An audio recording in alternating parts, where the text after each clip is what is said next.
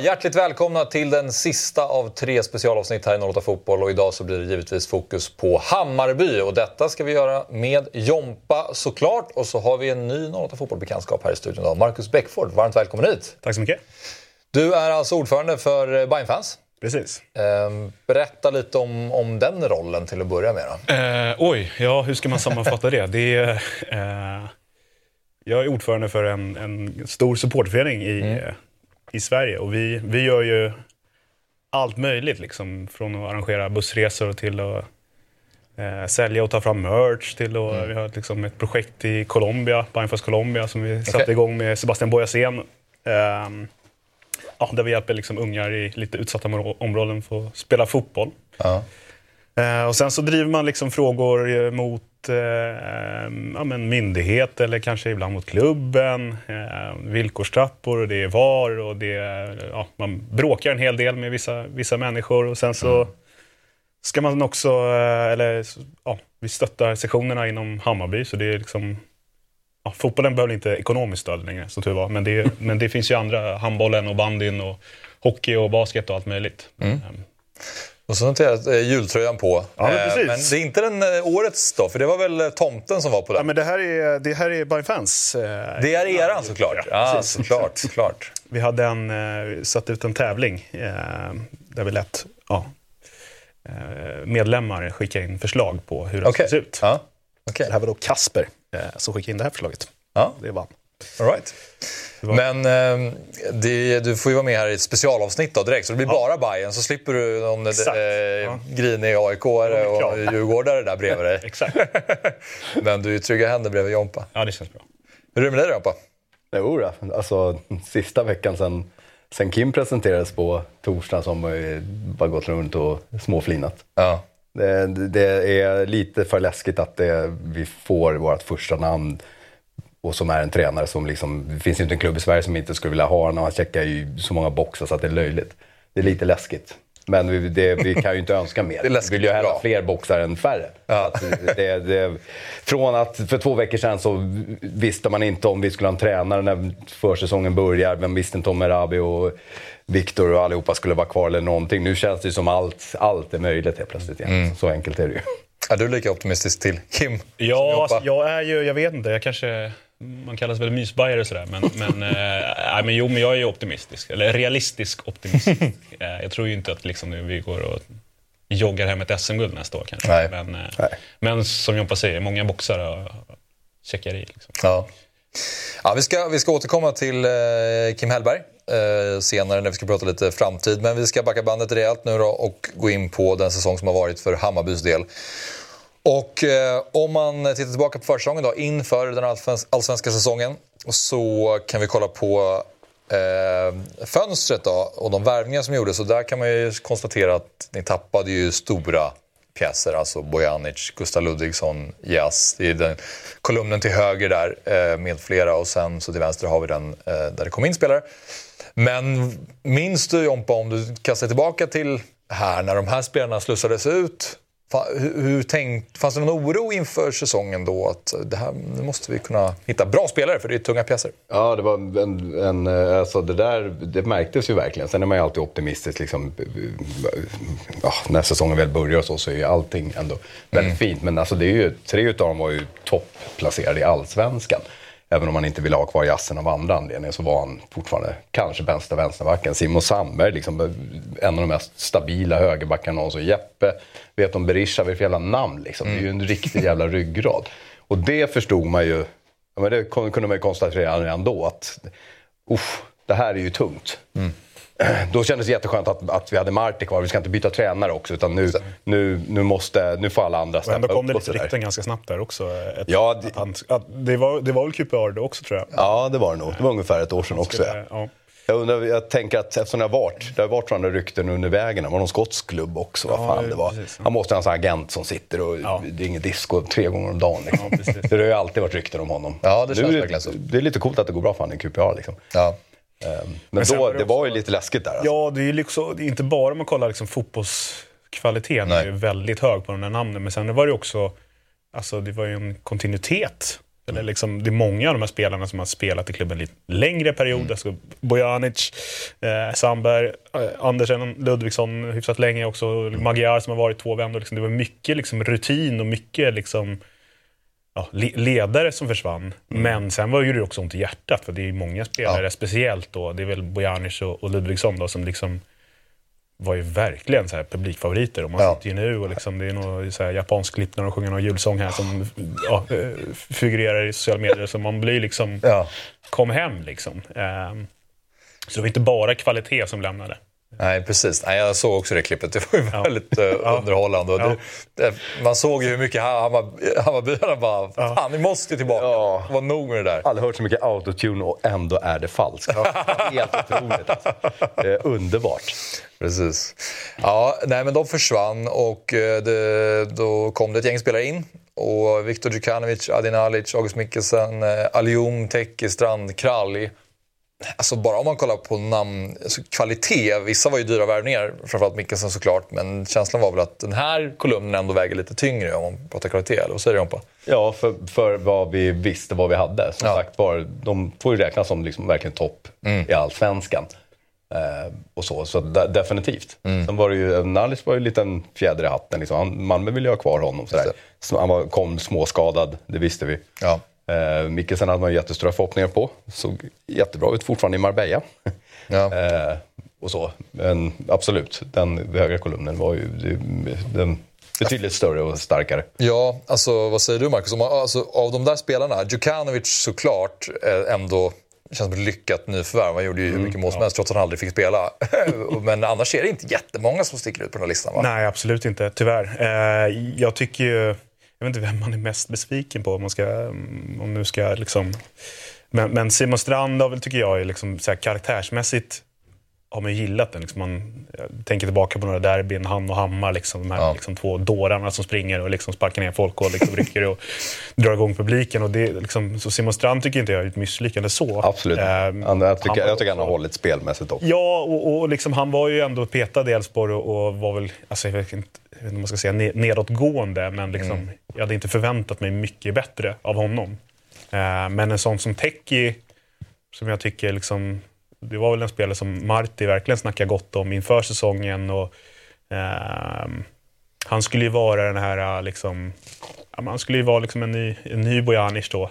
Mm. En, inte en direkt kopia, utan han skulle vara minns mycket väl, liksom, eller vad heter han? Marti pratade om att Teki är så bra på att liksom, ja, men vända upp på ett, nästan här lite Kristoffer Olsson du vet, liksom, göra en hel, hel 180 graders och, och, och, sätta igång spelet snabbt och så vidare. Mm. Och det tycker jag han gjorde kanske någon träningsmatch här och mm. där i början. Det, såg man, okay, man såg lite grejer där. Wow. Mm. Och sen så bara, sen såg man det aldrig igen. Sen så, ja, sen så försvann han ju så, så, så som han gjorde. Precis. Ja, för han kom ju från en bra period i Holland. Han var ju bland de bättre i sitt lag som förvisso var ett bottenlag i holländska ligan. Mm. Ja. Så det, det, tyckte jag första matchen. Man bara, oh, fan, det fanns fart, det fanns ja. rörelse. Men vad som sen hände ja. med det tjafset som verkar ha blivit. Ja, ja, absolut. Men sen så var det ju liksom, det var ju inte tjafset som var liksom, utan han var ju, han var ju inte bra i, i, innan det heller. Liksom. Ehm, och det blev ju en stor skillnad när Hammar kom in och tog den positionen. Det var då vi lyfte liksom, som lag. Visserligen böt, böt formation. Liksom. Ja. Och sen var det där försäsongsläget i Marbella. Mötte Seattle Sounders, eh, Hyundai, Brand, Dallas, Stabäck. Och det var ju många spelare som fick speltid där. Många unga spelare och alla nya. Så det fanns så mycket mm. att plocka med sig. Minns när man satt och kollade på de här matcherna. Och då var det så här, inne i kuppen vad, var står vi någonstans lite grann? Och så kommer den där Sundsvallsmatchen när ni vinner med 8-0. Och tänker att det här kan bli hur bra som helst. Efter den här matchen, minns ni vad ni kände då när, när tävlingsmatchen ändå drog igång? Alltså jag tror att som bajare så är man väl kanske lite försiktig med... Jag sa för sig att jag var optimist. Men, men, eh, eh, det kändes ju bättre än vad det blev, så kan man väl säga. Ja. Absolut. Um, speciellt skulle jag säga, eh, alltså, efter matchen mot AIK tycker jag att man visade, för visst att slå Sundsvall med några bollar, det kan man göra, men liksom att gå och slå AIK på det sättet, mm. det tycker jag var lite så här kämparinsats. Och, och då var ju också, ja, men, en sån som Erabi, våra yngre, var liksom de här ledarna som tog eh, tag i taktpinnen. Och mm. det tycker jag bevisar på att aha, vi kan också vara, vi kan vara det spelande laget som spelar ut ett lag, men vi kan också vara det kämpande laget som sliter till oss en, en vinst. Just det. Mm. Mm. Nej, för att, eh, så här, 4-1 mot Brage, 3-0 mot Norrby, det är ett lag som ni ska städa av såklart. Och Sundsvall ska ni väl också städa av, men just 8-0 och den här eh, facit inför, inför derbyt och vinna derbyt också. Mm. Och gå in då mot Mjällby och sen göra den där plattmatchen. Mm. Alltså Hammarby var ju riktigt dåliga mot Mjällby. Ja, där är, vi har, är det tio minuters period vi har när vi faktiskt anfaller och får ett... Det är en konstig avvinkning där på någonting som... Just, vad var det? Felaktigt offside? Ja. ja. men det är den perioden som Hammarby har någonting överhuvudtaget. Resten så är Mjällby det klart bättre laget. Då undrar man ju verkligen. Ja. Det var oroväckande. Mm. Det var riktigt, riktigt läskigt alltså. För inte så att Mjällby var jättebra. De spelade som de brukar. Det kom deras långa bollar där, men att ingen i vårt lag kunde ens se den taktiken och bara ha någon som helst chans att störa den. Det var, gud vad vi, man snackade mycket om den matchen efteråt. Ja, vad fan var det här liksom? Men då var det mer liksom en, det var ett litet väghinder. Liksom, så här, ja, men, ja, ja, det var en skitmatch, men nu... Mm. Mjällby borta, okej okay då. Ja. Men, men bara, eh, det kanske tas upp sen, men på spelare in här så var ju, man får ju kanske räkna med Madjed också där. Ja. Ehm, som en, mm. kanske kommer tre. Men, ja, men kör. Ehm, det var ju också en sån spelare som man, som man jag vet inte vad man ska förvänta sig av en 17-årig grabb. Eh, men där och då, speciellt den här matchen då, Sundsvall, mm. där tänkte man ju liksom, det är hattrick. Ja, det är självklart, han kommer ju, han kommer ju starta och det kommer vara liksom han och Djukanovic som slåss om ja. en plats eller om de spelar på varsin kant och så vidare. Och sen så såg man inte honom mer. Nej, det var ju väldigt mycket fokus på honom ändå under försäsongen. Ja. det blev ju extra mycket så efter den här matchen såklart när han gör det och man såg att så här, han, har, han, han, kan bara kliva in och göra mål och, och bryta in i banan och, och, trycka upp den. Det är inga konstigheter. Så visade det sig att det var Djukanovic som gick och gjorde det under ja. säsongen istället. Men för det fanns ju ändå lite frågetecken upplevde jag sen när säsongen skulle starta. Så här, hur kommer startelvan ens formeras? Mm. Eftersom det fanns så många alternativ. Och det känns som att det fick Marti aldrig riktigt eh, kontroll på under, eller kontroll, han ville väl kanske rotera men det vart aldrig så här, här har, nu har vi hittat elvan. Kanske var lite på hösten. Ja, där, men, eh, det, var väl, ja det var väl först då. Det var mm. väl egentligen, jag tycker Twente borta där, det var ju, nu hoppar jag fram här, men det var ju ändå då mm. liksom, man satte en elva hyfsat. Och, Visst, det är väl lite otur. Mickelsen gick och skadade sig där i... Eh, var det derbyt mot uh, Djurgården eller var det... Första gången var i något derby, ja. ja. Han skadade sig efter 20 minuter. Ja, precis. Eller, liksom, en kvart till och med. Men, men, det var första men... premiärmatch. Det var någon väldigt tidigt i alla fall. Ja. Det var inte ens en kvart hade gått så, så fick de bära utan. Mm. Och jag tror Madjed har kanske varit lite småskadad här och där. Liksom, men mm. Samtidigt, så här, alltså, han är ju liksom under 20 fortfarande. Ja. Liksom, så det, det, är ju inte så att man har räknat bort honom eller sådär. Och det kanske gick lite i överkant. Eh, han kanske gjorde någon översteg fint för bra i den här matchen. Då. Mm. Och, och, eh, ja. Mm. ja, det syntes i motståndarna när, när, när det väl ringde hans klocka, då märkte man att motståndarna, satte de två man på honom varje gång. Där Gnaget ja. låste honom ganska bra och sådär. De, de lärde sig snabbt mm. och stänga av honom. Ja, verkligen. Men sen drog Allsvenskan igång då och det vart ju en seger mot Degerfors i premiären.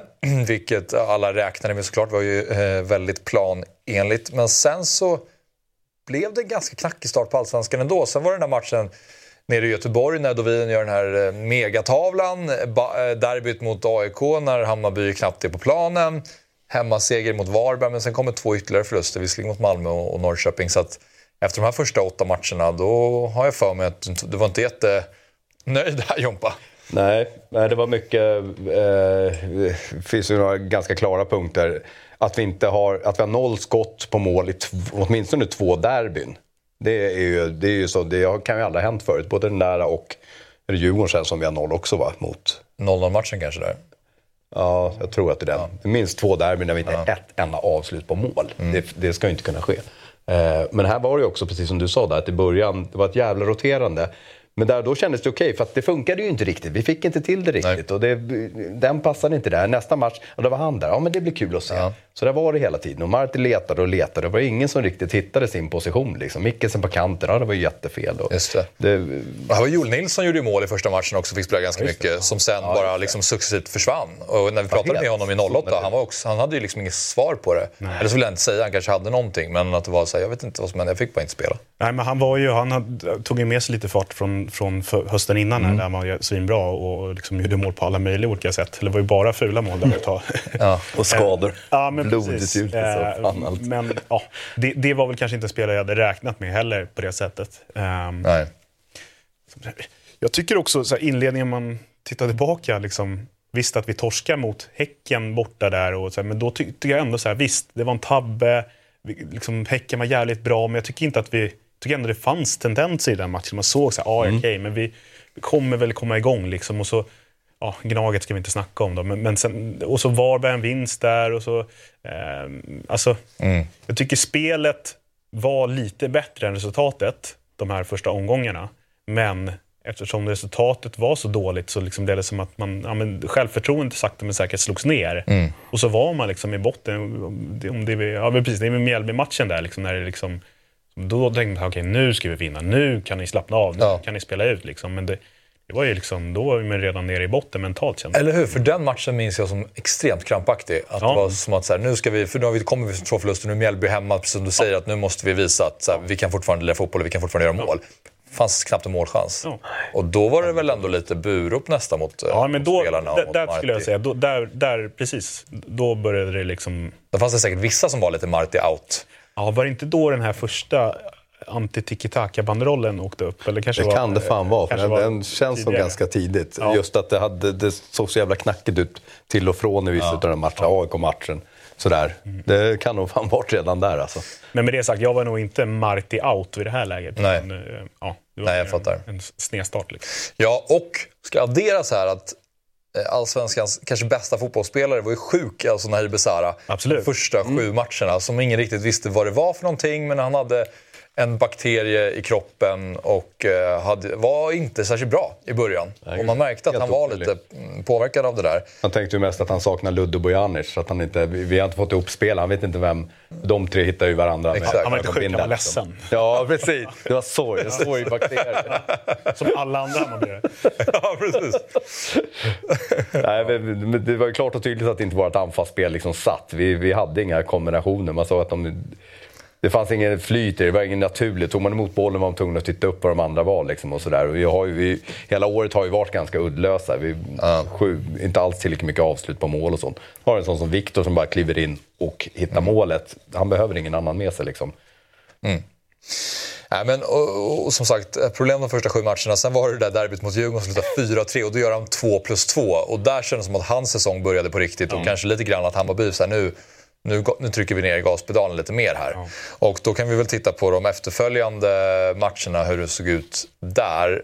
Det var i alla fall, ja, inte kanske jättekul, men det var, det var ju förluster mot Elfsborg borta, vilket kanske man kan ändå förstå. Men sen är det också Värnamo hemma och BP borta. Ja, ja de, de, man kan väl dela upp den här perioden eftersom det är väl sommaruppehåll där Precis. hemmamatchen Precis. mot eh, BP. Och, ja. den, och den vinsten, det är ju är det Rabbes första ja. mål där? Ja, det alltså kan det vara. Dessutom på övers, I Allsvenskan då, han gjorde några mål i kuppen. Ja. Det var ju verkligen så här, det var ju, alltså hade han inte gjort mål, jag vet inte vad som hade hänt den här säsongen. Det, det, det, var nog, det var nog säsongens viktigaste mål på många sätt. Just det, när han, just det nu minns jag. Ja, det var ju, det, om det är sista minuten liksom och det är nog liksom... Ja, det är nog på övertid redan jag. Och paja fram den liksom. Där, ja. Uh, för för där, där var det rätt mörkt ett tag. Um, mm. Precis. Ja. Eh, men och, I samband med det här ska sägas också att Jesper Jansson i maj hade sagt att han skulle eh, avgå. Mm. Och eh, den 14 juni så äh, säger han att han då ska lämna redan då. För då var det som att säga, ja, men han, han ska sluta men han kör han fram till augusti. Typ. Precis. Men redan i juni så sa han att eh, Omonia vill ha mig eftersom deras säsong börjar i augusti så att jag ska försöka jobba lite under sommaren och det sa väl eh, Bayern ja till såklart. Och då fick Hjelmberg kliva in där under, under sommaren. Men det var ju också en detalj här som gjorde att när det dessutom gick lite sämre mm så vart jag vet inte om ni upplevde det som rörigare, men det fanns väl någonting där kanske, eller vad säger du Marcus? Jo, men det var det ju verkligen. Alltså, det var ju lite så här, vem är det som kör egentligen? Ja. och, och, kan minnas fel, men det var väl rykten om Marti hyfsat intensivt under den här perioden också. Även ska man säga Hjelmberg ryktades ju också, skulle, skulle han följa med Jesper Jansson och så vidare. Så det var ju verkligen en orolig period, samtidigt som man kanske, eftersom det gick så dåligt så var man kanske inte ledsen att det var folk på väg ut. Nej. Alltså, med facit i hand skulle jag säga att det, det var nog bra att Jesper lämnade. Han, ja, han kanske skulle ha lämnat redan ett halvår innan och mm. låtit Hjelmberg liksom ha ett helt år och så vidare. Och liksom att, att det inte lämnas i kaos på det mm. sättet som det kanske blev. Men ehm, ja, där och då var, det, var man verkligen orolig och det tror jag inte bara vi supportrar var utan det var man nog på insidan också. Ja. Men han lämnade väl kanske också för att han kände att så här, vi har gjort ett ganska aktivt vinterfönster och jag vill ändå lämna klubben när den är hyfsat... Alltså, ä, även om allsvenska säsongen gick dåligt så kändes för klubben lite harmonisk till skillnad från tidigare år. Mm. Och det var väl så han, han kände och därför kanske som sommarfönstret inte blev jätteaktivt. För att om vi kollar på de värvningar som görs sen under sommaren då är det bara linjalen som du kallar honom in och eh, eh, Vagic, Teki och Alium ut. Då. Mm. Ja, det är väldigt stor skillnad från, från sommaren innan där vi gjorde mm. vad var det, fem värvningar. Ja, fyra eller fem stycken. Liksom. Ja. ja. och stor skillnad från både AIK och Djurgården också. Ja, precis. Exakt. Um... Ja, det hände väldigt mycket sommar. Som vi pratade om också, alltså, som Häcken, deras två bästa målskyttar försvann efter sommaren. Mm. Elfsborg tappade Lagerbielke och någon till. Liksom, mm. mycket starka namn som försvann i somras. Mm.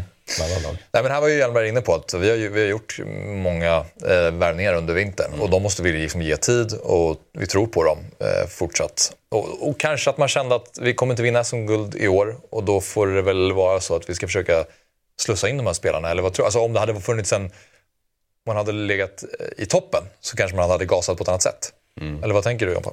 Ja men precis, och där som man alltid snackar om att vi skulle spela Europa. Eh, ja, men du gör ju inte några huvudlösa värvningar bara för det. Liksom. Det kan Nej. du inte göra. Utan vi, vi, ja, nu blev det inte så jävla lyckat men vi, vi var ju ganska nöjda med om du tittar ett år tillbaka på de värvningar vi hade gjort. Det var ju mest, som jag sagt många gånger också, att, att vi tappade de spelare vi gjorde förra vintern.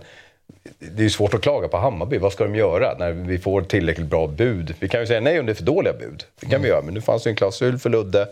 Som när jävla agenten golade dem tydligen. Jag har fått höra nu i efterhand. Eh, men Bayern, det var ju inte Bayerns fel att vi tappade de spelarna. Men det var en jävla otur för hela laget. Det är ju, mm. det är ju den stora anledningen till att det gick så jävla knackigt. Vi fick ja. inte ihop det. För att vi tappade en hel, ja, i princip en centrallinje liksom. Ehm, så att, mm. Ja, jag menar, det var ju det. Det var lite så det kändes då, att redan där att okej. Okay, den här säsongen är bortkastad. Mm. Eh, ja, vi hade en, eh, minst en Europamatch att se fram emot visste man. Det, det var liksom det enda jävla målet man hade mm. då. Vi, vi missade cupfinal och vi, man visste att ja, vi, guldet är ju borta för liksom länge sedan och det hackar och sådär. Nu var ju Gnaget låg ännu sämre till så man ja.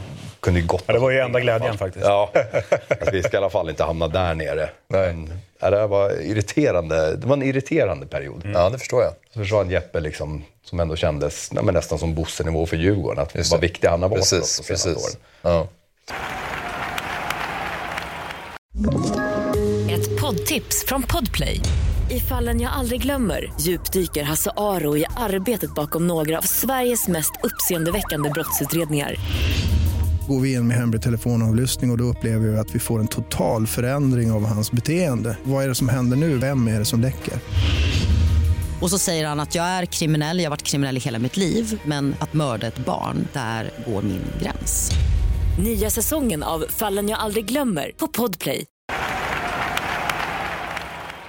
Vi måste bara stanna till lite vid Europa också. Twente borta först, 1-0 Twente eh, nere i Enskede.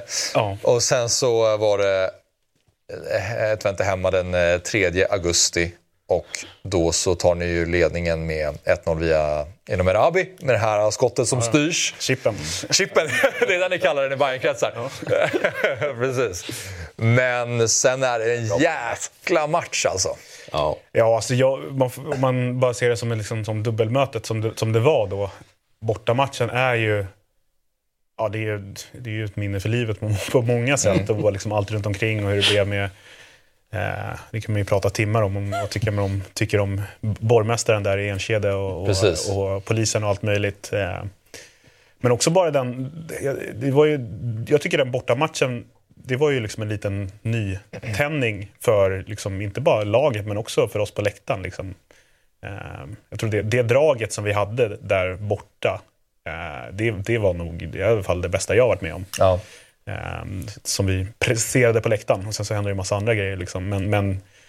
Ja, den stämningen piskades ju upp ganska kraftigt innan också ja, med uttalanden från både vice och... Ja, precis. Och, och, och liksom, eh, Rolf folk Beker eller vad han. Hänga tre dagar på hotellrummet och det stod liksom en, en polis på balkongen liksom, i stort sett. Och, och man fick ja, inte ens gå till Donken. Ehm, Nej. Eh, de hade fått för sig att Hammarby är extrem Jag tror de hade ringt Robert Laul och, och, kört den, eh, eller något liknande. Jag vet ja, inte vad de exakt. hade den är fan. Ja. Vi, vi försökte ju från Bayern Fans sida, liksom, första riktiga Europaresan på ja, sen, sen jag föddes, höll jag på att säga. Men, men, eh, och vi försökte ju styra upp, liksom, ja, men, var, kan vi samlas, alltså, så här, hitta samlingskrog eller liksom, område. Och, eh, genom, genom Hammarby, då, de försökte i sin tur prata med Twente och så här, kan vi kan vi hitta en plats eh, där, där Hammarby-sportrarna kan vara och så kan Twente-sportrarna vara. Och det var ju liksom ingenting. Nej, det var ju... Berättade Rickmer Ja. också. Ja. Inte ett svar fick. Nej, de, det, det var bara så här, nej. Och sen så, så de förväntade sig liksom att Hammarbyarna bara skulle gå till hotellrum och liksom... Men ja, nej. Ja, men men så, den- som sagt, en, en nytändning och, och den insatsen kämpamässigt som spelarna gjorde på planen och, och det som hände liksom stämningen på, på läktaren. Eh, det gav en jäkla skjuts liksom i- in i, eh, in i nästa möte men också lite in i resten av säsongen. Liksom. Ja, ja eh, precis. För att den här stämningen som var på den här matchen eh, kändes ju i alla fall alltså, otrolig. Ja, den var ju... Den var ju ja, det, det är klart den var ju bättre eftersom vi var fler. Liksom. Ja. Men, men eh, det, ja, det var ju nog också... Jag tror alla Hammarbyare minns nog cupfinalen 2010 mot Helsingborg hemma. Liksom Sarajevo-stämning när i, stort sett hela Söderstadion står upp. Eh, i, Och även eh, Basel hemma när det var pandemi. Ja, men 10 precis. Det är väl, 000. exakt, det är väl, det. det, är- väl den och sen är den här. Det är väl de liksom som man kan mäta Ja. eh, mot varandra. Eh, så det var ju ett jäkla... Och man var ju helt, liksom, var ju helt slut, alltså bara mentalt liksom. Ja, det förstår jag. I synnerhet med tanke på hur matchen avslutades också. När de gör det där målet i 114 minuten eller vad det är. Eh, när ni har också chanser. De har chanser givetvis, men det är en böljande match. Det hade verkligen lika gärna kunnat sluta med att ni går vidare från den här eh, Absolut. eh, dubbelmötet.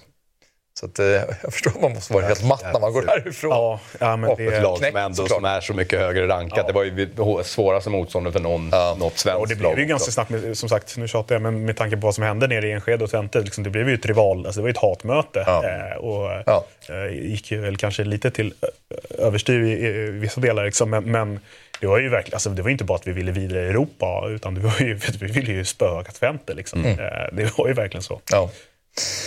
Så jag kollade faktiskt hur det gick för Twente sen. Har ni koll på det? I Conference League. De vann Ja, en de åkte ju de. storpiss mot eh, turkarna. vilket- Ja, exakt. De, de, Som du säger, de, de besegrade ju Riga Ja, i nästa runda med 5-0. Så de lär, hade ni slagit såklart. Sen så blev de ju överkörda av Fenerbahce i playoff. Ja, men just det, så var det. Så att ni hade nog kanske inte tagit er gruppspelet i alla fall. Men, Nej, Och men Fenerbahce borta, där är...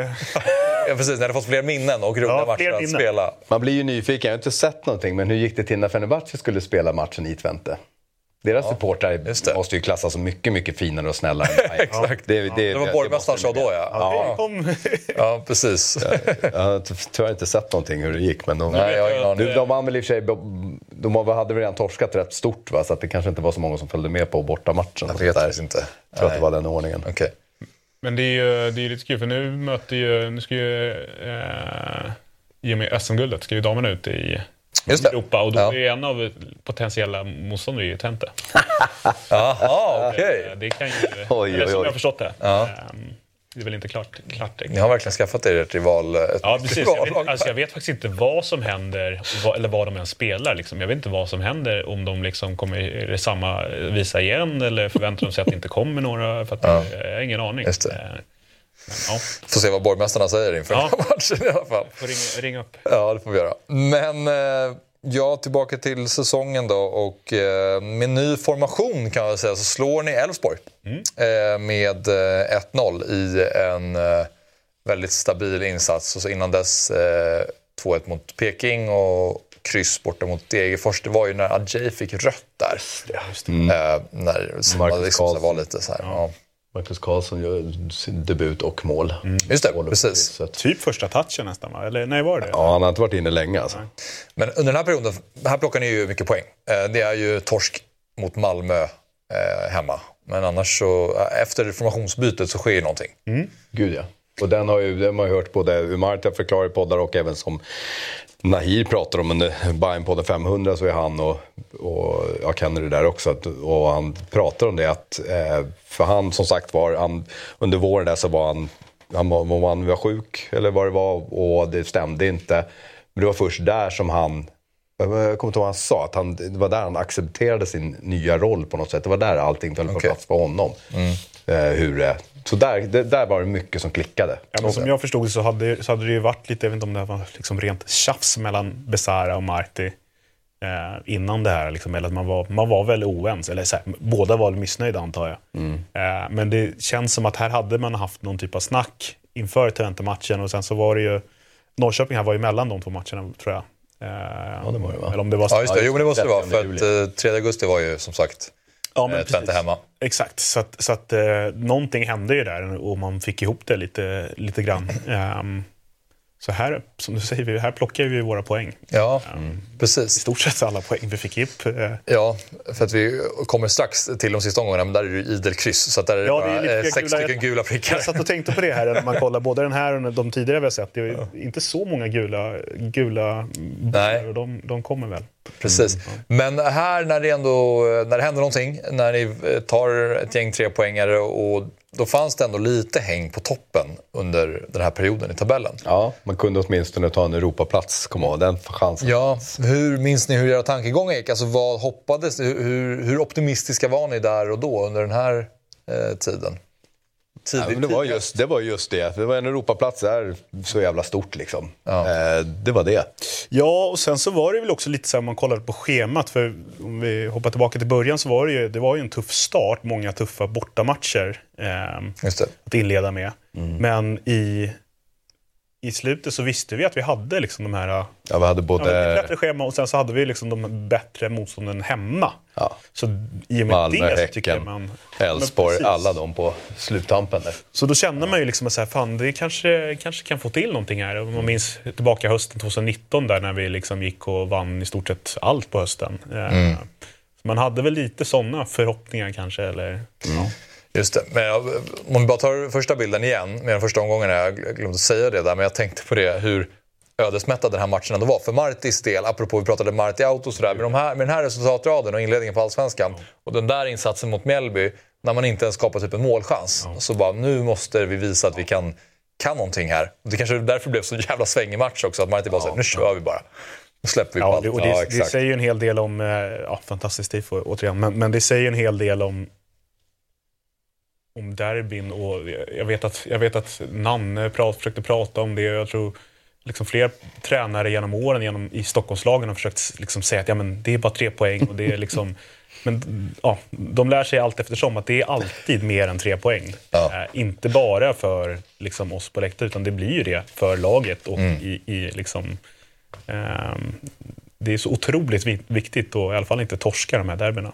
Eh, För det kan ju, det, ja, det kan ju förstöra en hel säsong. Ja, verkligen. Och verkligen rädda, ge Marti liksom tre, fyra, fem matcher till, bara ja. baserat på den där segern. Gud, ja. Ja, och efter den här, efter den här vinsten, då var det ju liksom... Alltså, det var ju, det var ju, då var man ju nästan lika glad som idag, höll jag på att säga, nu när vi har Kim. Men, men det, var, det var ju liksom... eh, Ja, men då är ju alla spelare, älskar man nog. Liksom, Så fort någon spelare säger någonting så tycker man att det är ett jävla guldcitat. Och, ja, men, eh, och alla vill... Åh, den där... Åh, han, jag tycker alltid tyckt att han är så jävla bra och så vidare. Och det är ju det är så det funkar med derbyn. Liksom. Man kan ju vända, vända natt idag jättefort. Liksom. Vilken bild är det på Erabi när han håller bort två spelare? Ja, det är. Gnaget ju. Det är mot AIK. Hemma. Den hörnflaggan. Ja, ja, den är ju ruggig. ja. Gnaget hemma, just det. I cup, exakt. Det, det, den är Ja, det kan det vara, för den kom ganska tidigt. Eh, den är ju, ja men den är, ja, precis, det är exakt en sån bild jag menar. Liksom, där, där är han. Han är, ju, han är ju större än Zlatan. Han är ju hur bra som helst. Där, derbyseger och den där mäktiga, han är så Ja, stark den också. Den är otrolig, den bilden. Ja. Vad säger ni om läktaråret då? När man ser den här bilden så, det här tifot har hyllats många gånger. Ehm, men när Det är så ni, jävla coolt för att det är så jävla annorlunda. Och så gigantiskt. ja, och jag, så, som jag tror jag sa till dig Jompa någon gång i 08, att när man ser sådana här, såna här bilder då känns det som att så här, innan Tele2 var byggd, när man visar upp bilder på så här skulle vi, så skulle vi vilja att arenan ser ut, som att den är liksom animerad. Ja. För det här är verkligen liksom, det här, är ma- här har man maxat arenan. Ja, man, man, kan, man kan inte göra det mycket bättre för att få den stämningen som, som, som går att få. Ja, Den är ju, det är ju det är ett bra betyg på tifon generellt när, man vet, när det går in djurgårdare och skriver att det där har ni ju köpt i något tryckeri någonstans. Då har man ju liksom målat för bra. Eh, Verkligen. men, men det som jag tycker, jag tror jag har sagt det förut också, att det, här, det som jag gillar så bra med det här tifot, det känns ju så jävla Bajen liksom. Jag tror inte Djurgården hade gjort den liksom en, vad ska man säga, en, ja. De har väl kanske gjort en lite fräschare snubbe som står och gapar på det. Ja, inte något halvfett Men, och men sånt. det är liksom, det är så jäkla Bajen att det är bara ett jäkla vrål och... ehm, Exakt. Nej, verkligen. Ja. Men generellt med läktarinsatserna. Ja, men jag tycker, alltså, jag tror att, eh, jag vet inte eh, hur det har varit i, exakt hur det har varit i andra Stockholmsklubbar, men jag vet att liksom, folk är lite så här, det är mycket TikTok-generationen och liksom, eh, eh, man är lite, ja, det är lite för mycket mobiler här och där och det problemet har vi även haft i Bayern. Eh, men jag tycker att vi ändå har lyckats vända det hyfsat bra. Jag tycker det var sämre förra året. Ehm, så jag tycker att generellt så har det har väl, har väl stämningen varit aningen bättre. Sen eh, så tycker jag att vi ska vara liksom, ja, dubbelt så bra såklart. Ehm, Ja, därför för i år var det ju, om man bara pratar antal, så var det AIK som toppade ja, publikligan. Och det, den, det, publiksiffror har inte jag brytt mig om på det var ju mest kul för att reta igång eh, folk och, och få höra alla olika ursäkter att det är Leksand eller om det är gratisbiljetter. Ja. Nu kan tänkas vad de hittar och så vidare. Men, men, ehm, men ja, publikmässigt så tycker jag liksom det behöver inte vara mm, hö, högre än så här. Det, Nej. det, jag bryr mig inte om det. Men, men stämningen, är, det tycker jag är det absolut viktigaste. Vad säger du Rampa? Den har varit, den har varit bra. Ja, jo, men det har, varit, det har varit speciellt med tanke på, för vi var, det var nästan 4 000 vi tappade i snitt jämfört med förra året va? Ja, Och det är väl egentligen, eh, jag skulle säga, om du ser var någonstans så tror jag att det är för att det har sett så jävla knackigt ut. Det har inte varit kul att titta på här i laget. Alltså, vi har varit så jävla uddlösa och så fantasilösa. Väldigt mycket passningar i sidled och allt sånt. Och det är inte kul. Det, det, det, har man vant sig vid 2019 och sådär så, så var det här mycket tråkigare. Och det tror jag är stora tappet. Jag tror inte att det är klacken har försvunnit 4 000 pers liksom i år. Nej. Och tifona har varit riktigt jävla klass i år alltså. Eh, även den här bakom märket. När alla olika falanger kom upp och sådär. Det är många riktigt fyndiga. Många snygga varianter med jävligt bra ordnad rök med blinkers bakom. Och, eh, så där, det, där har det ju definitivt inte varit någon försämring. Det är total världsklass alltså. Sen bara det här med publiksiffror, jag tror den hade nog vatt högre om vi hade legat i botten tror jag.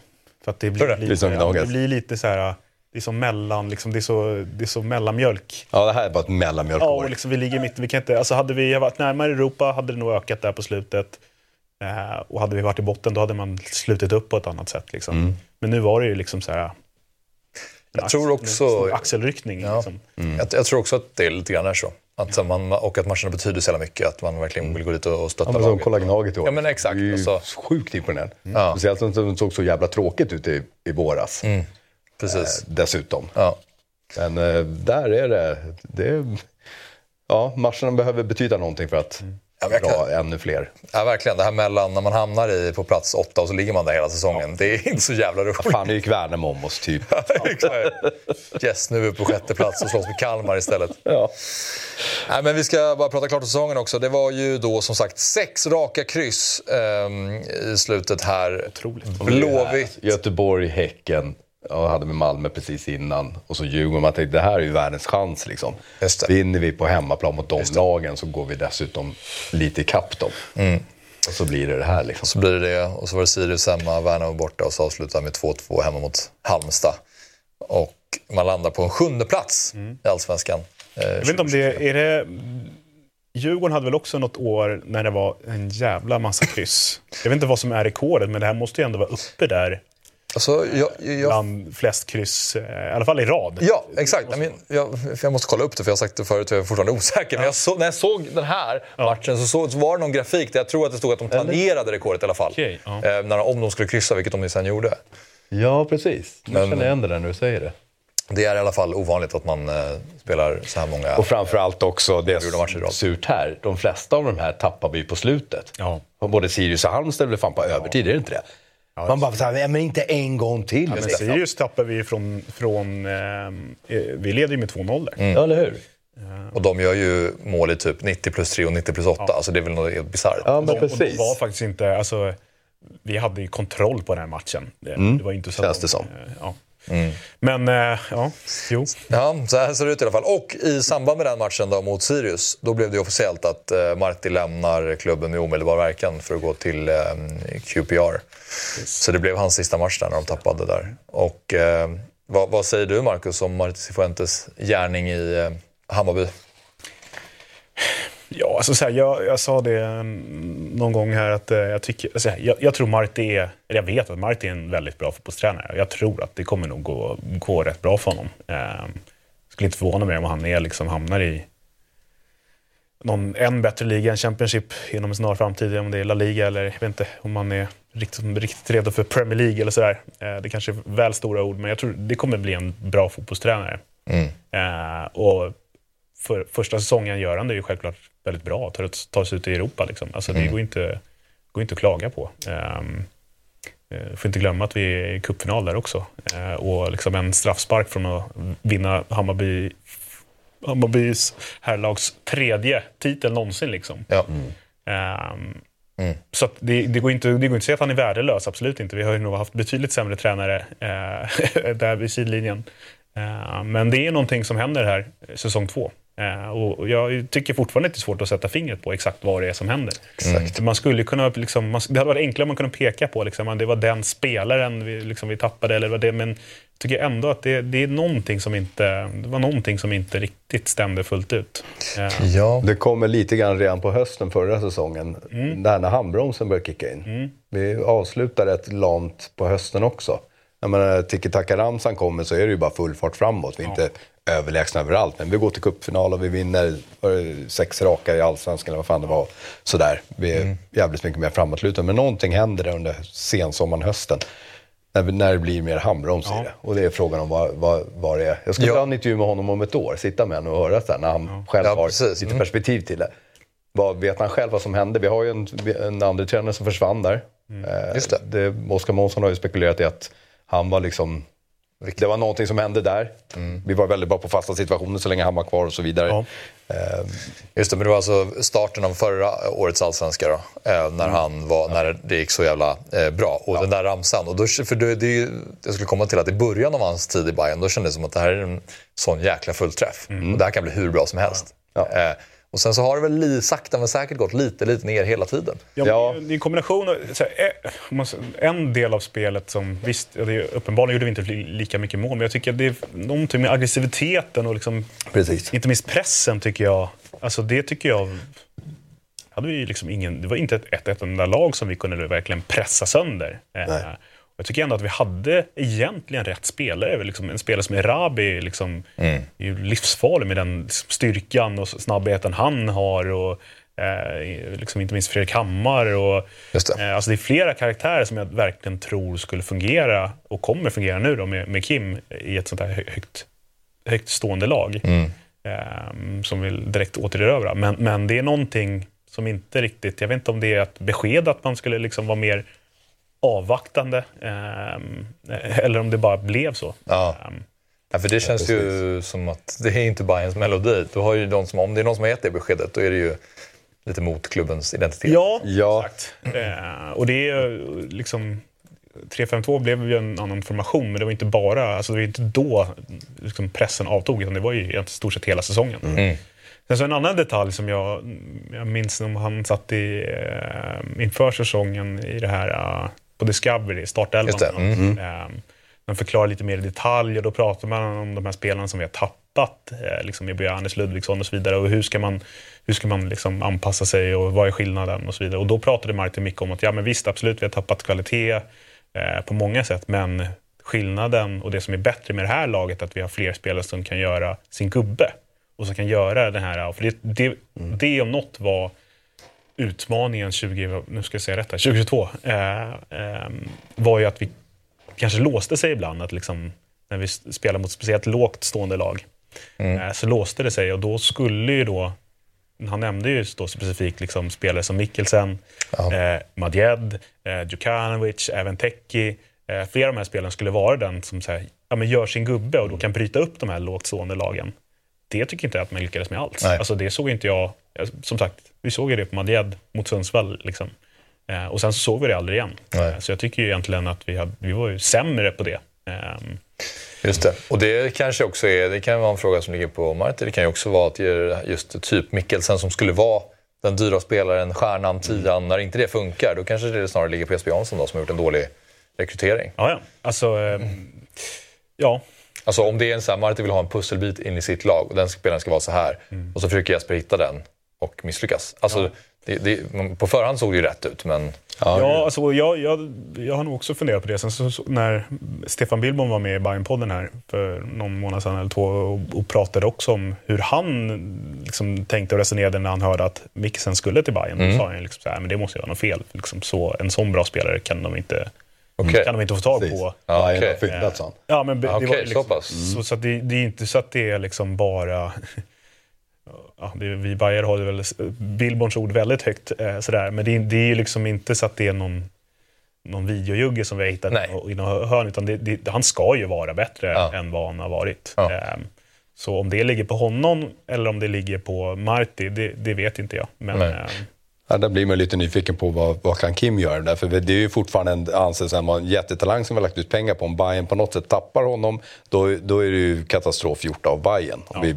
är tvungna att rea ut honom och sen så slår han igenom i ett danskt lag istället. Mm. Men nu kan vi få se, för jag tittade på hans highlights-klipp fortfarande från Norge, så är han ju som en Bojanic fast mycket snabbare, rappare. Mm. Han tar emot bollen, han får inte gå in i närkamper för han vinner ju inte mot, mot en gammal tant ens liksom, i kroppstacklingar. Men han, där har han ju fart där, han tar emot bollen, då vet han precis var han har sin kille. Så han bara smiter förbi, slår en perfekt passning eller placerar bollen i hörnet. Du, du har flera minuter liksom långa med sådana sekvenser. Men det såg man ju inte mycket av i Bayern. Nej. det var ju mycket, det såg ut, jag tycker man såg det liksom självförtroende. Det var någon match där, om det var Häcken, han, ja, precis, då hade han nog kommit tillbaka mm. från sin skada första gången där. Och han, tog, han gjorde ett inhopp då och liksom hoppar in och liksom då förväntar man sig nu kommer den här finten, nu kommer han göra sin gubbe där. Och då liksom vänder han om, passar tillbaka. Mm. Vänder om, passar tillbaka. Mm. Alltså, liksom, han vågar. Alltså, så det, och det hade man kunnat förstå om det är första matchen tillbaka från skada. Men sen så det fortsatte ju bara så. Ja.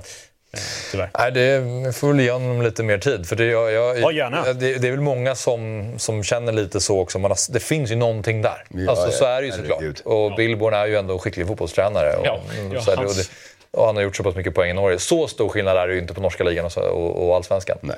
Att det är så här, nej, kvalitetsmässigt så han klarade inte av det lyftet. Nej. De bästa lagen i Norge är ju ändå typ bättre än i ja, Sverige. Ja, alltså, det, det ska han nog klara av. Ja, det tänker jag också. Thank you. Poddtips från Podplay. I podden Något Kaiko garanterar östgötarna Brutti och jag, Davva, dig en stor dos skratt. Där följer jag pladask för köttätandet igen. Man är lite som en jävla vampyr. Man har fått lite blodsmak och då måste man ha mer. Udda spaningar, fängslande anekdoter och en och annan arg rant. Jag måste ha mitt kaffe på morgonen för annars är jag ingen trevlig människa. Då är du ingen trevlig människa, punkt. Något kajko, hör du på podplay. Därför är gardinerna. Men nu har ni ny tränare i Kim Hellberg och eh, det finns ju mycket spännande framåt kring, eh, kring Hammarby. Det finns också många unga spelare som alltså typ Erabi och Dovin som så här, ska de vara kvar? Vad, vad kommer hända med dem? Men om vi börjar med Kim då återigen väldigt glatt och det känns ju Marcus som rent spelmässigt också så är det väl en fotboll som borde passa Hammarby och den trupp som finns och sådär. Eller vad tänker du? Ja, alltså precis som Jompa är inne på, det är liksom många boxar här som har mm. tickats i på rätt sätt. Um, det, det, känns som att den, ja, men den typ av fotboll är helt perfekt. Sen också den typ av liksom, tränare och, och Ehm, det är väl det som kanske skiljer honom mot Marti, att han, han är ju väldigt bra på att utveckla spelare också. Mm. Um, ja. Uh, och, och, och, man är ju väldigt spänd uh, på att se vad han kan göra med en spelare som Erabi, om det nu är så att, han, att han, Erabi är kvar. Uh, för det är bara att kolla på vad han har gjort i Värnamo, liksom, med, med, olika typer av anfallare och, och, och offensiva spelare. Liksom, han får det att funka på olika sätt. Mm. om det är Antonsson eller om det är eh, Gustav Engvall, Engvall eller vad han heter. Eh, och som är väldigt olika typer av spelare. Eh, så det ska bli superspännande. Mm. Det, är ett, det är ett ungt eh, Hammarby ledningsmässigt då med, med Hellberg och von Heine också. Ja. I eh, hyfsat ledande roller får man ja, säga. Ja. Selin är väl inte lastgammal heller? Nej, exakt. Jag vet inte hur gammal han är. Men... Nej. Men, ja. det, känns, det känns, jag vet inte om, man, om, man, om det är ett orosmål, men om man, om man nu ska försöka hitta någonting så är, kan det ju vara det att liksom, det är lite väl eller inte tillräckligt, tillräckligt seniort liksom, mm. för, att, ehm, för att leda en klubb som Hammarby. Men jag är inte orolig för det. Mm. Jag tror att Kim är tillräckligt duktig och kommer, kommer nog... Ehm, ja. Mm. Det blir bra. Mm. Kim Hellberg var ju och gästade eh, ett program som vi har på Dobbas och Fotbollsmorgon lördag. Eh, och vi ska ta och lyssna lite på vad han sa då. Vi pratade om massa olika saker, men vi tar och lyssnar på vad han sa då när han var med och gästade i Fotbollsmorgon lördag. Du har ju en...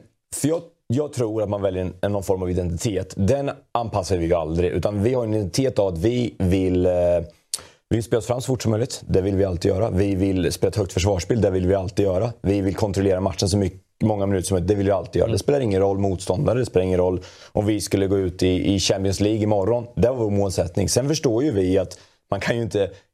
Alltså det, det är bra lag man möter vilket gör att det kommer göra att ja, men högt försvarsspel, om de spelar sen måste vi kunna spela lågt försvarsspel. Mm. Så att matchen styrs av det med. Så identiteten i laget vill vi ju aldrig förändra. Sen så förändras ju ganska mycket igen utefter vad tror vi att de kommer att ha för grundpositioner i sitt sätt att, och, och spela. Eh, vill vi pressa dem högt och vi har bestämt oss för att vi spelar bara 4-4-2. Vi spelar bara 4-4-2. Vi har bestämt oss för det. Och de droppar ner med åtta spelare. Men hur ska vi då kunna pressa? Det är omöjligt att pressa högt med, med två forwards till exempel. Om man nu väljer den lätta nummerräkningen. Vilket gör att vi måste anpassa oss efter vad vi tror att matchen kommer att se ut. Men också kunna ha skapat en miljö där spelarna själva kan anpassa och justera mindre saker under matchens gång. Mm. Och, och, där tror jag att identiteten styr hur mycket vi måste anpassa kopplat till motståndarna. Så att när vi sitter och tittar på ett lag så sitter inte vi och tittar, de spelar 4-4-2 och då ska vi, utan någonstans, okej okay, vi ska pressa dem här högt. Hur, hur gör de oftast? Sen kan ju de ändra någonting, men hur gör de oftast? Vilka, vilken formation måste vi utgå från? Tre mittbackar för att kunna kliva fram med någon? Måste vi spela med två mittbackar? Ska vi ha eh, fem i backlinjen? Ska våra ytterforwards följa deras ytterbackar för de går högt upp? Ska de inte följa? Eh, ska vi spela med fyra forwards? Ska vi spela med mm. fem mittfältare? Vi tar in yttermittfältare. Alltså det är ju en, hela tiden en, en väg som vi i träningen måste jobba med konstant och utmana våra spelare. Så om du heter eh, Simon Tern, för att ta exempel som, som är lätta som flest känner till, så kan han spela forward, vänstermittfältare, högermittfältare, central mittfältare, offensiv mittfältare och defensiv i vårt lag. Mm. Men det är ju inte det som avgör vad han gör på plan, utan utifrån vad kommer krävas av den rollen för att vi ska pressa dem högt. Mm. Och sen, mm. vad kommer krävas när vi har bollen? Och ska de försöka då, någonstans då ha en symbios? Det vill säga att, ska du pressa deras vänsterback som alltid ligger brett och sen ska du spela på vänstra sidan själv när vi har bollen, så är det omöjligt. Så att, allt måste ju också på något sätt hänga ihop där man kan jobba med en matchplan men inte ta bort identiteten. Ja. Ja, eh, det jag tycker det är så jävla härligt att lyssna på Kim Hellberg. För han ja. känns som han älskar fotboll och han tänker mycket fotboll. Och vad, vad säger ni när ni hör det här? Andas väl inte, inte mer än tre Nej, exakt. i den där delen. Där. Munläder som Tony Gustafsson. Jag tror, jag, tror, jag, tror, eh, jag är nog inte ensam som Hammarbyare som har liksom konsumerat en hel del eh, Kim Hellberg-intervjuer sen, vad var det? Det var en vecka sen. Ja, torsdagen. Ja. Eh, sen dess. Eh, och det känns nästan som att om man skulle sitta här med honom nu skulle man vara helt tyst för att man, man vet ju redan allt. Han har ju svarat på alla frågor. Ja. Eh, nej men han, eh, absolut. Alltså det känns ju verkligen som en, som en eh, bra kille och det ska bli otroligt spännande. Mm. Sen alla sådana grejer som han också påpekar, han har ju pratat lite med honom på Pelikanos här, som han liksom påpekar. Han har ju otrolig koll på svensk fotboll, men han har ju mm. Anders Lips under Jens T. Gustafsson va? i Norrköping, eller vem var det? Ja, precis. Och sen, och sen Rickard Norling. Rickard Norling hyllar ju honom. Eh, han har otroligt bra koll på svensk fotboll och, och det han har gjort med Värnamo är ju, det är ju helt otroligt egentligen. Det kommer upp som första gången någonsin i Allsvenskan, sluta tia med, med lugn och ro mm. och andra året femma. Det är ju helt sinnessjukt med en trupp som inte är värderad högre än så och så vidare. Mm. Så att... Eh, jag skulle komma in på spår angående det. jag fattar. Ja, men det känns, jo, sen nu som man då påpekar så jävla mycket, liksom, för han, han, har ju själv varit riktig supporter. Liksom, allt sånt där. Han har väldigt bra koll på de bitarna. Mm. Det punkterar han ju väldigt ofta nu, att vad, vad, vad skönt det ska bli att kunna hitta den symbiosen med supporten och ha den extra. Liksom. Ja att få det som ett extra verktyg ja. nästan. Det men, han har ju varit på Söderstaden, han har varit på liksom Friends och sådär, vet hur mycket det kan vara emot sig. Han, sa, han jämförde med någonting, jag tror det var Studio Allsvenskan, att när han kan kolla, han, har de mött Bayern när, innan han gick till Bayern, liksom, så kan det, liksom, tycker man under matchen, så här, jävla chanser de har hela tiden. Sen när han kollar om matchen, när han provar att stänga av ljudet, han bara så här, fast det där var ju inte så jävla farlig chans. Nej, okay. det, det, betyder liksom rätt mycket. Ja. Ja, han, precis, det, han vill verkligen använda det. Ja. Och det tror jag, liksom, det, det, måste man göra om man spelar, eller om man tränar. Ja, det måste man fatta. Det, det, liksom, vi har väl haft några tränare genom åren som, som liksom sett lite nästan ne negativt på den pressen som blir på läktaren och så vidare. Men man, man måste ha det med sig. Liksom. Ja. Eh, Jag tror Jesper Jansson sa det för några år sedan ganska bra. att eh, och Det var innan pandemin, vilket var lite roligt. Eh, Då sa han att liksom, skulle det vara tomt här på läktaren, då vill jag att vi ska vara svindåliga. Det vill säga att man ska bygga en trupp som bara är bra egentligen när det är ös. Pandemin bara, hold my beer. Och sen så kom ju faktiskt pandemin och då, då fick vi lite svar på det. Eh, ehm, Det är ju det typ som Micke Lustig alltid har sagt att så här, det är inte konstigt att vi är bra i derbyn, det är inga konstigheter, då får vi snälla skjuts bara. Ja, ja. Eh, men Ja, det, är det är svårare att vinna mot Mjällby hemma för då Ja, men är det så här, man får inte... Man, Men det är ju inte. jättegrej. Kommer ni ihåg när vi körde det här sista 15 minuterna Ja. på Friends? Den är så cool. Det var någon som gjorde reportagen efteråt. De har ju på sig massa, eh, jag tänkte säga sport-bh, men de har ju mätare och grejer på sig. De har ju visat sen efteråt, när bägge klackarna var helt tysta första kvarten med polisprocess och Ja. grejer. Då har ju alla pulsmätare på alla spelare, när första kvarten har gått. Alltså det är jätteskillnad. Det såg ut som januari-turnén liksom. Ja, ja, men precis först ja. Man hör spelare ropa bollen, du hör när bollen studsar och så. Sen kommer alla in, två klackar med 6000 pers i varje klack. Och allt är helt plötsligt, är det, nu jävlar. Det påverkar skitmycket, jättemycket gör det. det Så är det ju bara, det är ju inget Alltså, verkligen. Det, det, pratade liksom. det pratade ju också Billborn om, kommer jag ihåg, när han jämförde sin period när han var i BP och när, ja, sen när han var i Bayern att så många gånger han hörde Hammarby prata så gott om en spel. Bara, Shit, han är svinbra och så vidare. Och liksom man, tyck, man tycker ju väldigt ofta att en spelare är så mycket bättre bara för att den har en Hammarby-tröja på sig. Och liksom, speciellt så här, talang. Ja, liksom. glasögon och, på. och, han, och Billborn sa ju det liksom, när, han väl, då, eller när han var i BP att den där spelaren skulle jag aldrig vilja slänga in i mitt lag. Liksom.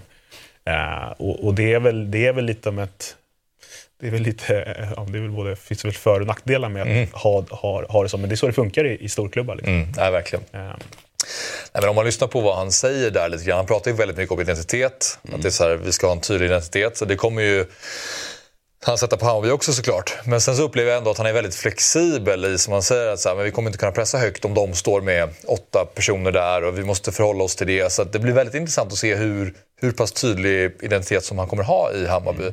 För att just som vi snackade om i början av den här säsongen med att det var så här, ska Majed spela, ska, ska Djukanovic spela, ska Joel Nilsson spela och var ska de spela?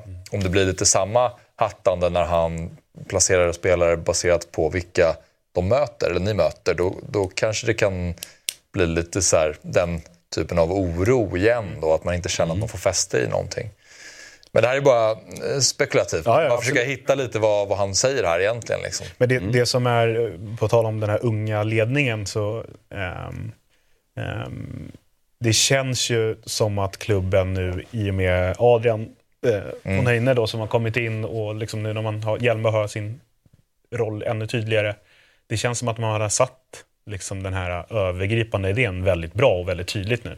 Mm. Eh, och det, jag tycker det känns svinbra med, eh, som sagt, Adrian är ung, men han, han, han, känns, han känns klockren i sin roll. Eh, Ja. han, han hörde av sig till oss första, sin första vecka, jag kommer inte ihåg när det var, om det var i oktober där någonstans. Liksom sin första vecka på jobbet så hörde han av sig till, till oss i Bayern Fans och bara “Tjena, jag skulle vilja bara snacka med några supportrar”. Eller bara, Okej. liksom, för att han vill liksom suga åt sig allt vad som Just är klubben. Så vi bjöd in honom till Bayern Fans lokal och satt och drack bärs och liksom bara snacka liksom, Okej. Generellt liksom, Ja. om, om Bayern och hur, hur vi funkar och ehm, ja, Ja. olika delarna och så vidare. Ehm, Det låter ju ändå som en bra egenskap att vilja Ja. förstå vad klubben är för Ja men någonting. precis. Och han var, han, jag vet att han eh, liksom varit på bandy och eh, i, följde med honom och gick på hockey, eh, alltså Hammarby Hockey då, Mm. och han var på handboll och så vidare. Så han försöker ju verkligen suga åt sig allt som är, alltså det är inte, han är inte bara om liksom, eh, data och XG och så vidare, utan han har ju verkligen tagit sig an alla delar inom klubben. Just det. Ehm, Mm. eh, Så det känns som att han redan har fört vidare det till, till, till Kim och det väl, de har väl pratat mycket om det inför Mm. det här, gissar jag. Men om vi ska bara prata lite mer om, om hans roll här och nu under eh, vintern. eh, Så här, hur truppen ska se ut. Alltså, om vi börjar med Rabi. Vad känner ni där? Alltså då pratar jag, ska man behålla och till vilket, vilken prislapp ska man sälja? Vad, vad känner ni som supportrar? Alltså för mig, alltså behåll bara. Eh, så länge som, som möjligt. Eh, För mig vore det helt fantastiskt om vi kunde behålla honom. Jag tror, är han, kvar ett helt år så tror jag att han kommer, ha- han kommer nog vara en skytteliga, ehm, i alla fall utmanare. Eh, det tror jag verkligen. Ehm, så det, det skulle jag sätta som det Micke sitter väl förmodligen med det nu då, men, men det är väl prio ett att förlänga med Josef Erabi. Ja. Eh, det måste ju vara viktigare än, än alla nyförvärv. Mm. Ja, verkligen. Ja. Och framförallt som eh, min eh, haka har blivit här. Fattar du han och Dennis Gyll på topp nästa år. Där har du tyngd. Där har man tyngd, ja. Herregud. Vi kommer inte få en enda straff på hela året för det är ingen som tar ner dem. Du kan, du kan, du kan det är dra, hans, det du är hans kan... i så fall, men det är ingen som fattar. Nej, exakt. Det är sant. Alltså det, det vore ju rena drömmen. Jag säger som du, han, han är så pass ung. Det, här jävla agentbytet det irriterar mig nog fruktansvärt. För han behöver inte hasta ut någonstans. Alltså. Gör ett år i Allsvenskan, bli fucking skyttekung. Du kommer kunna välja och vraka sen. Liksom. Ha inte för bråttom nu Josef, för fan alltså. Det, se till att bli lite legend på Söder först. Och så, så, det kommer bara bli bra. Alltså. Han, han är ju ett... Han kommer ju bli hur stor som helst. Alltså. Han har allt just nu. Ja, han har ju alla de delarna som, om man lyssnat nu på, på under alla de här timmarna av Kim-intervjuer som man lyssnar på så, så pratar han ju väldigt mycket om att liksom, ja, han gillar fart och han gillar styrka, han gillar smarta spelare, utvecklingsbara spelare. Så om Kim tickar många box, boxar så tror jag att Erabi tickar nog många boxar hos Kim. Eh, Det, det är nog en perfekt forward för honom. Och Kim är ju bra på att fostra anfallare. Precis. Alltså han har ju ofta haft anfallare som gör mycket mål i sina lag. Eh, som han har fått fungera väldigt bra. Ja. Så att det, det, det känns som att det kan bli riktigt bra det där. Jag hoppas nu, jag vet inte om Erabi är ute och reser nu eller så, vad han är, men jag hoppas att han får träffa Kim så fort som möjligt så han fattar att gubben, din plats är på Söder jag hörde att, han var på, att Erabi var på Årsta här, om det var för... Ja, just det. Han var och uh, gymmade. Alltså, hoppas han får prata med Kim alltså. Det, Nej, det, det, det är väl den uppfattningen jag har också, att alla Hammarby-supportrar vill ju bara behålla till... Liksom, Ja. ja, gud För ja. att han, han, han är liksom inte, det är inte läge än. Alltså det, han kommer lämna, men ge honom mer. För skadan hur- kommer ju taskigt till också. Ja, ja, precis. Och egentligen var det logiskt att nu är det perfekt att bara förlänga kontraktet ett år. Det, kommer, det är klart det kommer vara klausuler och grejer, men eh, herregud, du kommer få dina pengar. Alltså, Det är inga konstigheter. Så att, jag vet inte hur långt han har kommit med sin skada nu. Att, kommer han vara med redan i början på året? Eller? Just det, nej. Nej, jag vet inte. Jag tvivlar på att han kommer liksom spela 90 minuter i kuppen. Men eh, ja, förhoppningsvis så fort som möjligt.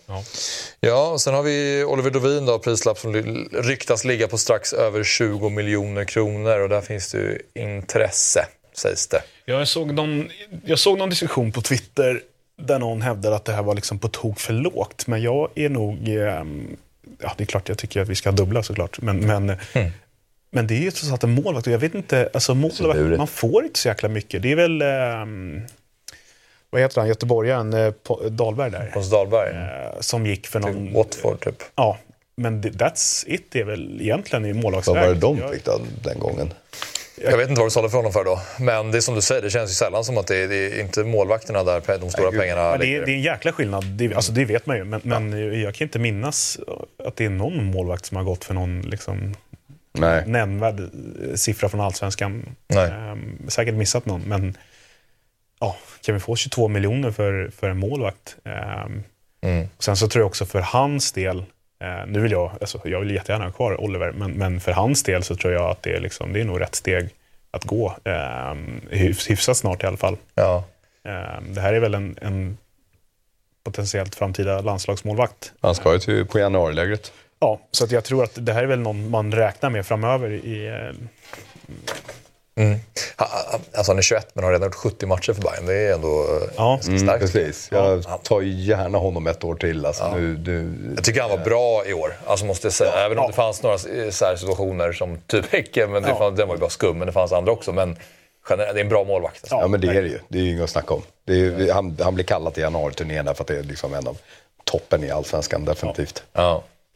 Men i övrigt då, alltså, vad, vad, vad känner du Marcus kring truppen? Vad känner du att det behövs eh, fyllas på? Eller vad, vad tänker du om man bara pratar lite mer svepande? Liksom? Ja, så det är det jag tycker, jag tycker är lite svårt. För tidigare säsonger har det varit lite tydligare att man behöver liksom en forward, eller en mittback eller en mittfältare. Liksom. Men nu tycker jag liksom att så här, vi är ganska bra liksom, över hela banan. Eh, så det är lite svårt. Det är liksom, som sagt, Erabi är, att förlänga där är nummer ett. Och sen så, det är väl en debatt om, om hemvändare är så jäkla bra. Liksom, men att, att få tillbaka Bojanic och, eh, och Ludvigsson hade ju varit en dröm.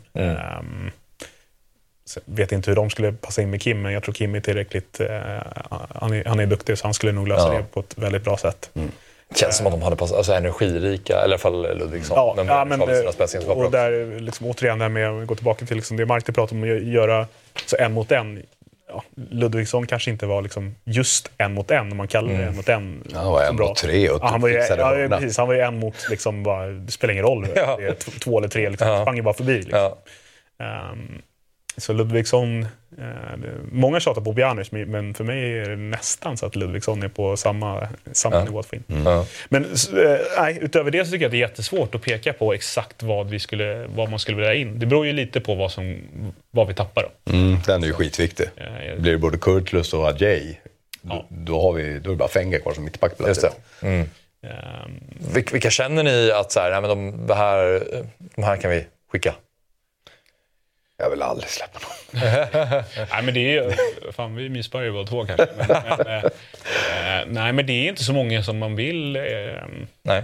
Nej, men det, här, det är de- klart, mycket sen vill man ju att liksom, det ska lossna för. Ja. Ehm, och det gäller väl egentligen samtliga liksom, av de som inte var bra.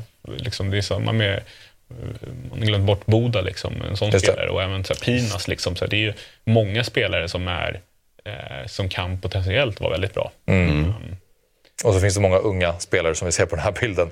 Ja, jag skulle exakt, säga att alltså, om, man, om man leker liksom med, med mm, det är så Ja, jäkla tråkigt ja. att snacka siffror och, och, och värde i pengar, liksom, men det är, det är några slantar här om, om, om ett halvår tror jag att eh, ja, det är ganska högt värde på de här spelarna om, om de får spela och, Mm.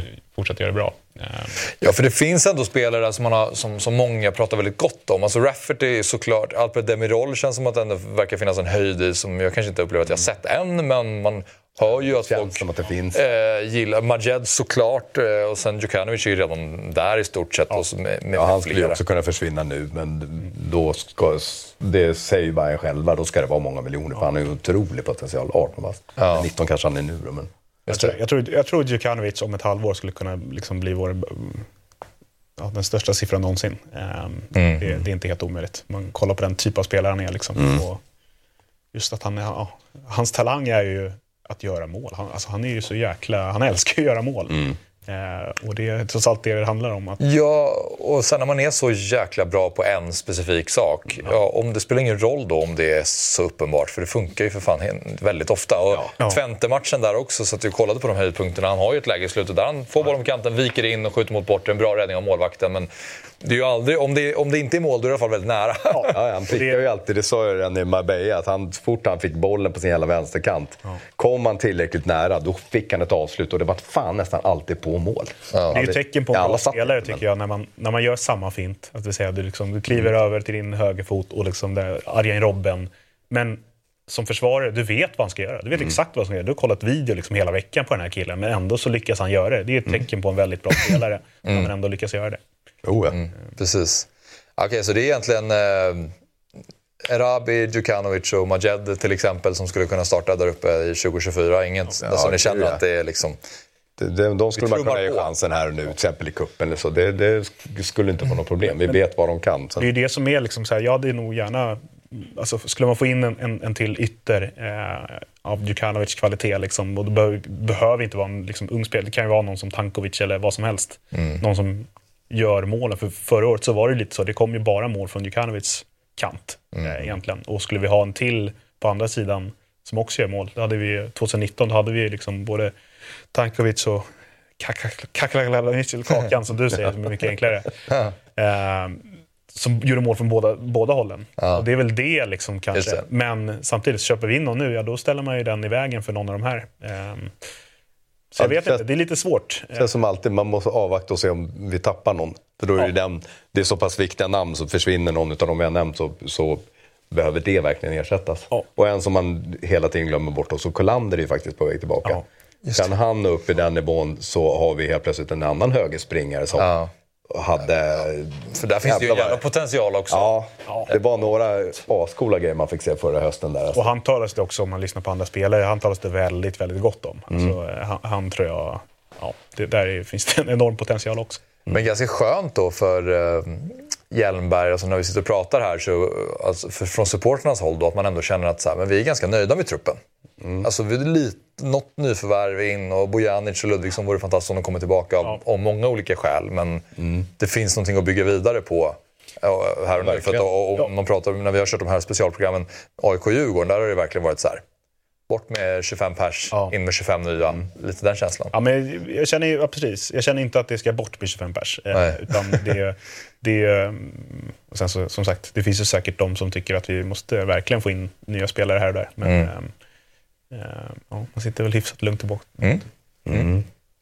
Så har man ju, de har inte ens nämnt, liksom, det finns ju faktiskt några i HTFF som är, som är garanterat med och sniffar på, Ja, ja, verkligen. på att Just det. verkligen kliva in i A-laget. Ja, men spolar man tillbaka ett år och kollar på liksom, de här namnen här så visste man ju knappt vilka det var. Nej. Eh, Det är väl liksom ja, men, eh, Demirol och Erabi eh, som hade kanske visat sig på den här nivån. Liksom. Ja, och jag förstår i alla fall som Hammarbyare, men när vi gjorde intervjuer med dem eh, under försäsongen, där, även på lägret där, så, så här, Rabia, så här, man har han eh, har hyfsat koll på liksom, och han vi pratade så vem bor du med på lägret då? Och han var så här, bor med Alper typ. Jag var så, vem, är, vem, vem är Alper? Vem pratar du om nu? Och så var det så här, ja, det är han den där Demirol, mittfältaren. Ja. Så här, det var mycket som, ja, många av de här, Rafferty lärde man ju känna under säsongen. Och, alltså, det, Marcus Karlsson också, för min del i alla fall. Och Rafferty var ju också, det ska man ju också nämna, vilket är helt otroligt, han var ju liksom skadad alltså, i var det, över ett år inför Ja. det här året. Liksom. Så han Okej. missade ju liksom ett... Så han var ju liksom verkligen ingen man hade liksom hört om ens förra året om man, om man hade koll på HTFF. Eller hört om, men alltså liksom sett spela sådär. Ja. Och Marcus Karlsson också samma där, liksom kom verkligen från ingenstans. Nej. För då, på försäsongen så gör väl Dennis Gyll mål, om jag gör två stycken, mot och sånt Sandviken där, mot. Sandviken. Och för då tänkte jag att det, han ska jag hålla koll på, men det var han som var fel person att hålla koll på. Det kan, kan ju bli något av honom också, men det var i alla fall inte hans säsong i år. Han gjorde ju, ja, i HTFF gjorde han ju en hel del kassar. Ah, okej, ja. Han var riktigt snygga också. Ja. Han har ju verkligen det i sig. Och lika bitig som Erabi i princip. Då, så att de, eh, det, han har också en riktig, riktig målkänsla. Ja, där känns det som att liksom säga att Rabi gör ett halvår och eh, slänger in 15 baljor eller, eller vad det nu kan tänkas vara och, och lämnar. Då känns det som att det är liksom inte jättemycket på ritbordet som måste ritas om för Kim eh, när man ska plocka in Dennis Gyll. Det är lite det är hyfsat samma spelare. Liksom. Ja. Var slutar han vid Allsvenskan 2024, Jompa? Det är väl Ja, lätt att säga nu. Kim har ju skrivit på för tre år, så att det är ju liksom, det är det är klart det inte liksom kommer lukta SM-guld nästa år, men det, det här har ju potential att vi verkligen ska slåss om Europaplatser. Alltså. Mm. Det, Magkänslan är fyra. ja, vi ska kunna vara med där uppe alltså. Mm. Det, vi garanter, skulle det komma in något starkt namn, liksom, en Tankovic som är samma nivå som sist eller någonting sånt där, så ja, men då är det kryddning. Liksom. Och att vi inte tappar någon av de viktigaste spelarna. Men det här är, det är spännande, det är intressant. Och med Kim så, så eh, känns det otroligt, otroligt spännande och intressant. Ja, jag säger, säger nog samma sak där. Mm. Um, lite orolig för den här uh, tuffa starten som blir med, med spelschemat här. Uh, det är många tuffa, tuffa matcher där i början. Malmö Och liksom, man- det är lätt att man hamnar liksom på minus och, och, och liksom, ja, men lite snedstart som förra året. Att liksom man inte får jobba ordentligt med de delarna utan att man liksom hela tiden måste göra lite nödlösningar om man, får, om man åker på liksom, säg, tre torsk i rad. Liksom. Mm. Vilka var det ni fick i premiären? Eh, Först är hemma mot Kalmar och sen borta Malmö. precis, och sen så är Så det Häcken ganska snabbt där. Och där vid fjärde omgången va? Ja, något sånt där va? AIK Så det är rätt borta tufft. tror jag det va? Ganska Ja. Tuff, tuff start ja. Eh, Ganska likt förra året som sagt. Eh, Just det, just det. Kuppen, om vi kan få sju matcher i kuppen så är det nog jättebra. Bara för att få spela in sig, Ja. om inte annat. Just det. Ja, Marcus, det var superkul att ha dig med. Tack. I 08 Fotboll. Ja, kul att vara med. Ja, och eh, Jompa, tack för den här säsongen. Tack själv. Vi gör ju så att vi tar ett eh, litet break nu med 08 Fotboll, så vi säger helt enkelt god jul och gott nytt år.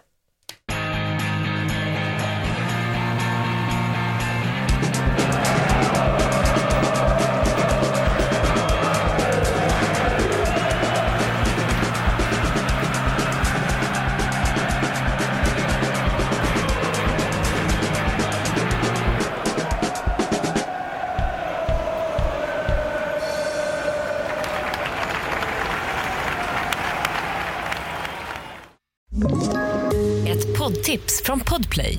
I fallen jag aldrig glömmer djupdyker Hasse Aro i arbetet bakom några av Sveriges mest uppseendeväckande brottsutredningar. Går vi in med hemlig telefonavlyssning och, och då upplever vi att vi får en total förändring av hans beteende. Vad är det som händer nu? Vem är det som läcker? Och så säger han att jag är kriminell, jag har varit kriminell i hela mitt liv men att mörda ett barn, där går min gräns. Nya säsongen av Fallen jag aldrig glömmer på Podplay.